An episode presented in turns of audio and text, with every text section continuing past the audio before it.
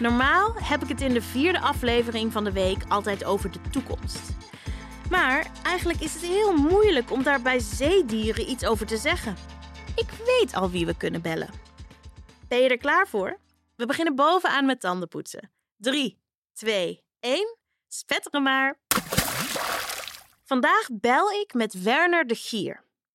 Werner is marinebioloog bij Naturalis en hij weet alles over zeedieren.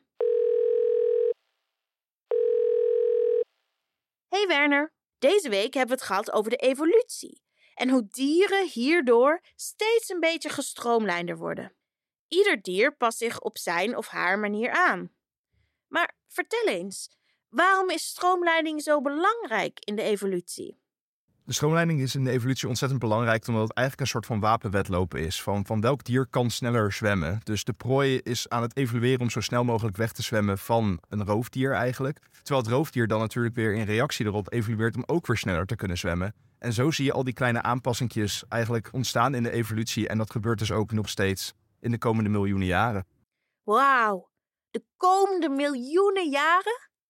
Dieren blijven dus continu veranderen. Maar hoe zit het dan eigenlijk met ons? Met mensen? Draai nu je tandenborstel om en begin je ondertanden te poetsen. Mensen kunnen natuurlijk lopen. Maar na wat zwemles kunnen we ook zwemmen. Zijn wij als mens dan eigenlijk ook gestroomlijnd?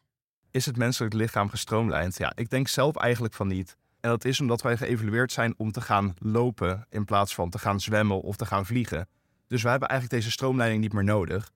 En bij ons is eigenlijk het hele wegvluchten of het jagen op dieren uh, een beetje weggeëvalueerd. En hebben dus een veel betere, uh, nou ja, een soort van schedel gekregen, zodat we meer hersenopvang kunnen hebben. Waardoor we dus eigenlijk niet meer hoeven te vluchten, want we zijn nu slim genoeg om onszelf te bewapenen, bijvoorbeeld. Dus in plaats van stroomleiding zijn we andere dingen gaan evalueren. Dus ja, een leven voor ons in het water of in de lucht zit er eigenlijk niet meer in. Ach, wat jammer. Gelukkig zijn er toch manieren waarmee mensen het water op kunnen of door de lucht kunnen vliegen. Denk maar eens aan een parachute. Of nou ja, daar denk ik eigenlijk misschien liever niet aan. ik blijf liever met mijn twee voeten op de grond. Dat was het voor vandaag. Spuug je tandpasta uit en spoel goed je mond. Tot morgen!